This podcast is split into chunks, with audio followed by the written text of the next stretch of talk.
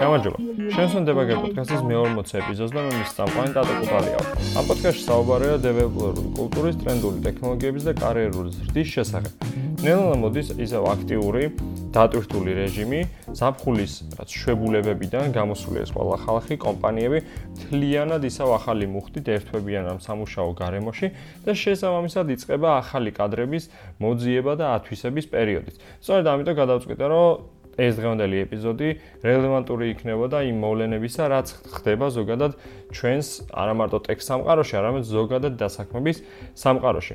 ხო და დღეს ვისაუბრებ თუ როგორ შეიძლება მოხდეთ გასაუბრებაზე და ეფექტური სტარტი გქონდეს პირველივე ეტაპიდან და მათ შორის როგორ შეიძლება საერთოდ მოვიპოვოთ ისეთი გასაუბრება, რომელიც საჯაროდ არ დევს საერთოდ არ ვიცით რომ იმ კომპანიაში ჭირდება ეს კადრი, თუმცა ჩვენ მაინც მოვიპოვოთ მათთან გასაუბრების შესაძლებლობა. დავიწყებ პირველი ადრეს მისაუბრია წინა ეპიზოდებში ეს არის წესი, რაღაც დაუწერელი წესი, რომ ყველა სჭირდება კარგი კადრი, იმიტომ რომ რაც არ უნდა, თქვა ყოველ მეორე ნაბიჯზე ან ამდენი უნივერსიტეტიდან გამოდიოდნენ კადრები, რა თქმა უნდა, შენ ვითარდებიან ასე შემდეგ. ყველა სჭირდება, მაინც არის სიმცირე კარგი კადრებისა. ამიტომ თუ თვლი, რომ შენ ხარ კარგი კადრი და გაქვს უნარჩვები, რაც ყველა კომპანიას სჭირდება, მაშინ შენთვის სხვადასხვა გასაუბრებებზე და ამ ეტაპების გავლა არ უნდა გაგიჭირდეს. ნუ ტექნიკურ დავალებამდე სანამ მივალთ. ტექნიკურ დავალებამდე სხვა ეტაპები რაც არის რეკრუტერთან გასაუბრება, თქვა მენეჯერთან გასაუბრება და ზოგადი ასეთი არატექნიკური თემები, წესით მარტივად დაძლევადი უნდა იყოს შენთვის. ხო და სწორედ აი ეს არის აი საბაზისო პრინციპი დასაქმების მარკეტზე, რაც ხდება და საქართველოსში განსაკუთრებით იგრძნობა ეს, რადგანაც ნებისმიერ სფეროში გჭირდება პროფესიონალები. აა მეორე ყველაზე მთავარი რაც არის, რომ გჭირდება კონდეს კარგი წან რაღაცას ხედვა თუ იმ კომპანიაში რატომ მივდივართ. თუნდაც მხოლოდ იმიტომ იყოს, რომ ჩვენ გვაინტერესებს იმ კომპანიის ხელფასი და არც პროექტი, არც ხალხი სხვაადასხვა არ ნიშნავს, ანუ ის ჩვენ თავთან მაინც უნდა კონდეს აი ასე განათლად დასახული, რომ ოკეი, მე მივიდივარ იქ ხელფასისთვის და შემდგომ ნებისმიერ შენი ნაბიჯი უნდა იყოს სწორედ ასეთი, რომ აი აი ამ კუთხიდან, აი ამ გადმოსახედიდან გადადგმული ნაბიჯები, ანუ უნდა ამართლებდეს იმას, რისთვისაც წინ მიიწევ. თუმცა მარტო ფული არ ნიშნავს ბედნიერებას და ჩვენს პროფესიაში ფულის გარდა არის ბევრი სხვა ახტაცება, რის გამოც ჩვენ ვრჩებით software developer-ებად. მეტყვი რომ ჯობია კარგად გაიაზრო, რატო გინდა ამ კომპანიაში მუშაობა, რა პროექტი არის ისეთი, რომელიც გიზიდავს რომ იმუშაო და ეს რაც მოდელი დაამუშაო საკუთარ გონებაში, რადგანაც აუცილებლად შეეკითხებიან თუ რატო გსურს, რატომ გამოაგზავნე რეზიუმე კონკრეტულად ამ კომპანიაში. ანუ არის რამე სპეციფიური მიზეზი, იმიტომ რომ თუ ასეთი არის, ძალიან საინტერესო იქნება ამის გაზიარება და აი ამაზე საუბარი. მაგალითად რატომ მიდიხარ? X კომპანიაში მაგალითად ძალიან ბევრს უნდა დიდ კომპანიებში მუშაობა. რატომ? ზოგს უნდა პატარა სტარტაპებში მუშაობა და სხვადასხვა გამოცდილების მოკრება სწორედ ეს რაღაც უნდა დაალაგოთ. და მოდი ახლა ვისაუბრებ ისეთ გასაუბრებებზე ხო რომლებიც არ არის საჯარო. მანამდე ხო თქვი რომ ამ აქამდე მოვიდოდით. აი ახლა როგორ ხდება ეს ყველაფერი. ხათ მოგწონთ რაღაცა X კომპანია და გინდათ რომ აი იმ კომპანიაში იმ პროექტზე იმუშაოთ იმ პროდუქტზე თუმცა არ ვერ ვერ ხვდებით ვერსად ვაკანსია. შეიძლება ვაკანსიები უდევთ და თქვენამდე არ მოდის. შეიძლება ძალიან ვიწრო წრეში ეძებენ და თქვენ საერთოდ არ ხართ იმ ვიწრო წრეში, ანუ რაც კონტაქტები არ გყავთ, მაგრამ გითვლით რომ იმ პროექტისთვის თქვენ კარგი კადრი ხართ და გინდათ იქ იმუშაოთ. ამისთვის წერთ იმ სამოტივაციო წერილს ზუსტად, რაზეც საუბრობდი, რატო გსურთ აი ამ კომპანიაში მუშაობა, რას შემატებთ ამ თქვენი კულტურით, აი ყველა ადამიანს გვაქვს ჩვენი განსხვავებული ბექგრაუნდი, როგორც ტექნიკური, ასე ზოგადად კულტურული და აი ამ ამ ჩვენი უკანა რაღაც კონტექსტით, რას მივცემთ ახალს გუნდს და კომპანიას. ეს რო დავწეროთ როგორც სამოტივაციო, მეტი არაფერი არ არის. ეს არის სამოტივაციო წერილი ზოგადად. როდესაც ითხოვენ რეზიუმეს და სამოტივაციო წერილს შაბლონურად, ეს არის სწორედ სამოტივაციო წერილი. ძირითადად ვაკანსიებზე სადაც არის რეზიუმის ატვირთვა, ატვირთვის ფორმა და იქვე ითხოვენ სამოტივაციო წერილს, მერწმუნეთ რომ საერთოდ არ კითხულობენ აქტიურად იმ სამოტივაციო წერილს, უბრალოდ არის რაღაცა ფილტრი. მაგრამ სამოტივაციო წერილზე ნიჭება მთელი ძალა, როდესაც გინდათ რომ რაღაც კომპანიას თავი მოაწონოთ და ეს კომპანია საერთოდ არ არის ამ შემთხვევაში ვაკანსიის დამდები, ანუ აქტიურად საერთოდ ბაზარზე არ ეძებს კადრებს. დაწერთ სამოტივაციო წერილი და გაუგზავნეთ ყველა არხით, სადაც შეგიძლიათ. საპორტის ელფოსტა იქნება ეს, რაღაც jobs@x კომპანია .com თუ რა რაც იქნება ნებისმიერი არხით. გაუგზავნეთ, უბრალოდ ეცადეთ, რომ იქ მოხვდეს. და აი სწორედ აქედან მინდა გადავიდე ერთ-ერთ ძალიან მნიშვნელოვან ასპექტზე, რაც დასაქმების მარკეტზე არის წინა ეპიზოდში ვისაუბრე, ეს არის კონტაქტები. ანუ კონტაქტები, რომლებიც გაგიყვანენ ფონს. აა ეს არ არის არავითარი შინაურების დასაქმება და ნათესავების და მსგავსი რაც არა. უბრალოდ შენ იცი რომ რაღაც კომპანიაში მუშაობა გინდა, თუმცა ვაკანსია არ აქვს, მაგრამ იქ იცნობ ვიღაცას, ვინც ამ კომპანიაში მუშაობს. შეგიძლია წინასწარი ინფორმაცია მოიძიო და შემდგომ უკვე ამ შენს ნაცნობს ხო რომ იქნება რეკომენდაცია გაუწიო, გაგიწიოს. ან იცი რა, მოდი რეზიუმეს მოგცემ და იქნებ შეგნით შეაწოდო ვიღაცას, იმიტომ რომ დაინტერესებული იყვნენ, თქვათ, ას კონკრეტული ვებ ტექნოლოგიებში, კარგ დეველოპერთან გასასაუბრებლად, ხო?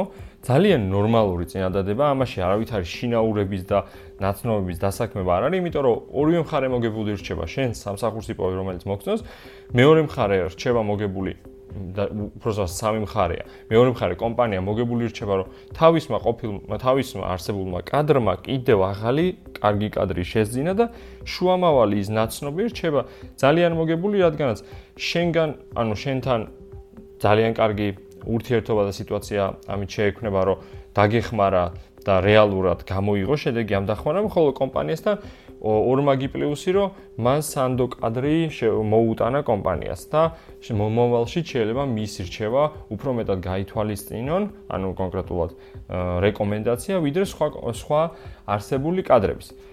ხო ხედავთ, ანუ სამივე მხრიდან ყველა მოგებაში დარჩა. ამიტომ ეცადეთ რომ ეს კავშირები შექმნათ, არ არის აუცილებელი რომ რაცა თუ დისკომფორტში ხართ სპეციალურად რომ ეძებო რა, მე ამას გავიცნობ, იმიტომ რაღაც რომ დამჭირდება ერთი წლის მე რაღაც აი ასეთი გამოყენებითი მიდგომა საერთოდ არ მომორ, რადგანაც ადამიანურ ბუნებაში, ანუ ზოგის ადამიანურ ბუნებაში საერთოდ არ დევს ასეთი რამე. უბრალოდ როდესაც ტექნიკური მითაფები კეთდება, ხდება რაც კონფერენციები, შეკრებები, გამოჩდით იქ, დაგინახონ ადამიანებმა, თქვენს გაიცანთ სახეზე მაინც რო იცოდეთ, ან Facebook-ზე ყავდეთ, ანუ რომ იცოდეთ საერთოდ ვინ რასაკეთებს. თუნდაც იგივე ხდება ვირტუალურ სამყაროში.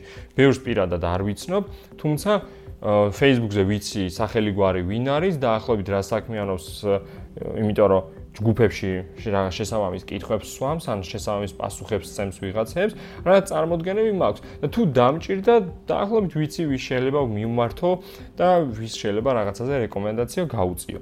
მოგლედ, ძალიან რო არ გადავწელოთ ეს თემა და არავირიოთ, მოდი თავიდან გავიაროთ ნიშნულოვანი წერტილები რა არის აი ამ დღევანდელი ეპიზოდიდან და რატომ უნდა ვიზრუნოთ აი ამ წერტილების მოგვარებაზე, ანუ საერთოდ შექმნაზე და თუ დაწყებული ვაქვს ამაზე მუშაობა, უფრო ეფექტური როგორ გავხადოთ.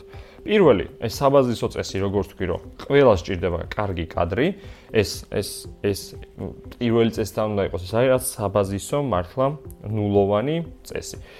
შემდგომ არის რომ ნებისმიერ კომპანიაში სადაც გინდა დავსაქმნეთ, ცოტა უფრო მეტი დრო უნდა დაუთმოთ, მოვიძიოთ რა საკეთებენ, რითი არიან დაკავებულები, მათი ინფორმაცია მოვიძიოთ ჩვენი ნაცნობების წრიდან, ანუ რა ხდება რეალურად? იმის სამუშაოში და გარემო კარგია, არ არის კარგი, როგორ პროექტებზე მუშაობენ, რა ტექნოლოგიებია?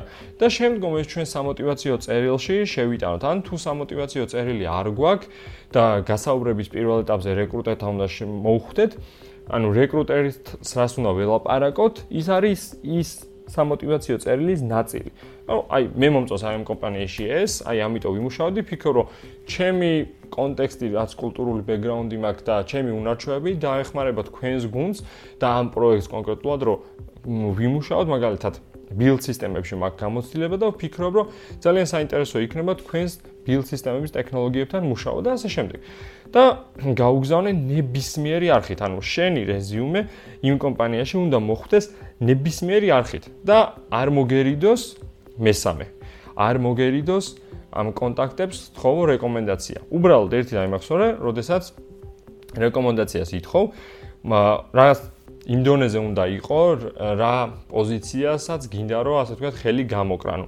ლოგიკურ ფარგლებში შეიძლება იყოს რაც გადამეტება, ვთქვათ, უფრო მაღალ პოზიციაზე მიდიოდან უფრო მეტ მოთხოვნებზე, მაგრამ იცი რომ ძალიან მალე აანაზღაურებ ამ შუა gap რაც არის, ანუ განსხვავება არის, მაგრამ ძალიან დიდ პაიმასთან სენიორს ან ლიდ პოზიციას, როდესაც უმიზნებ ისე რომ საერთოდ არ გზნობ მან დახლოს ხარ, ამით შეიძლება შენი ნაცნობით ჩააყენო კონტაქტი უხერხულ მდგომარეობაში, რადგანაც მან რეკომენდაცია ვერ გაგიწიოს და ანუ შეიძლება პირდაპირაც ვერ გითხრას, რომ იცი, ამ შემთხვევაში რაც არა რეკომენდაციას ვერ გაგიწევ, იმიტომ რომ შენ კვალიფიციური არ ხარ.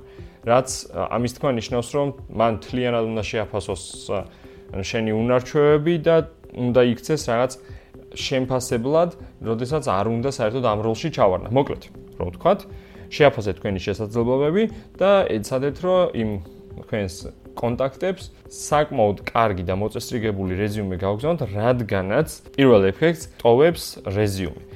ამაზე ვისაუბრებთ საერთოდ შემდეგ ეპიზოდში მთლიანად რეზიუმეზე იქნება თუ როგორი უნდა იყოს ჩვენი რეზიუმე და რა ნაწილები არის რეზიუმეში ისე მოსაწესრიგებელი, რომ როგორც კი რეზიუმეს დახედავ, მაშინვე ხვდებოდე ვისთან გაქვს დაახლოებით საქმე.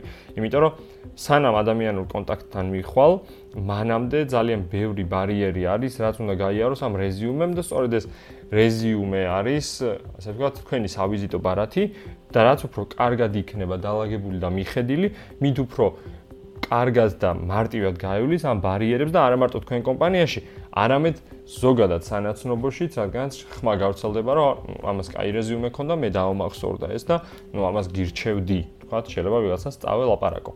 მოგლეთ, დღეისთვის სულ ეს იყო.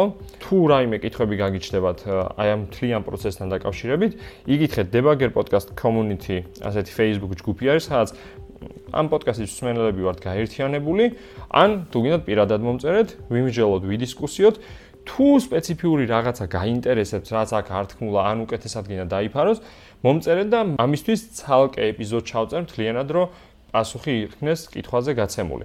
იდეაში დღევანდელი ეპიზოდი სწორედ ასეთი იყო, კითხვა შემომივიდა ცალკე Facebook-ზე, თუ როგორ შეიძლება მოგვეპოვებინა გასაუბრება და იდეა ეს არის, რომ ყველა სჭირდება კარგი კადრი, ძალიან კარგი სამოტივაციო წერილი დაწერე და ეცადე რომ ყველა კომპანიაში იპოვო კავშირები, რომლებიც დაგეხმარებიან, რომ შენი სამოტივაციო წელი და რეზიუმე სწორ ხელში მოხვდეს.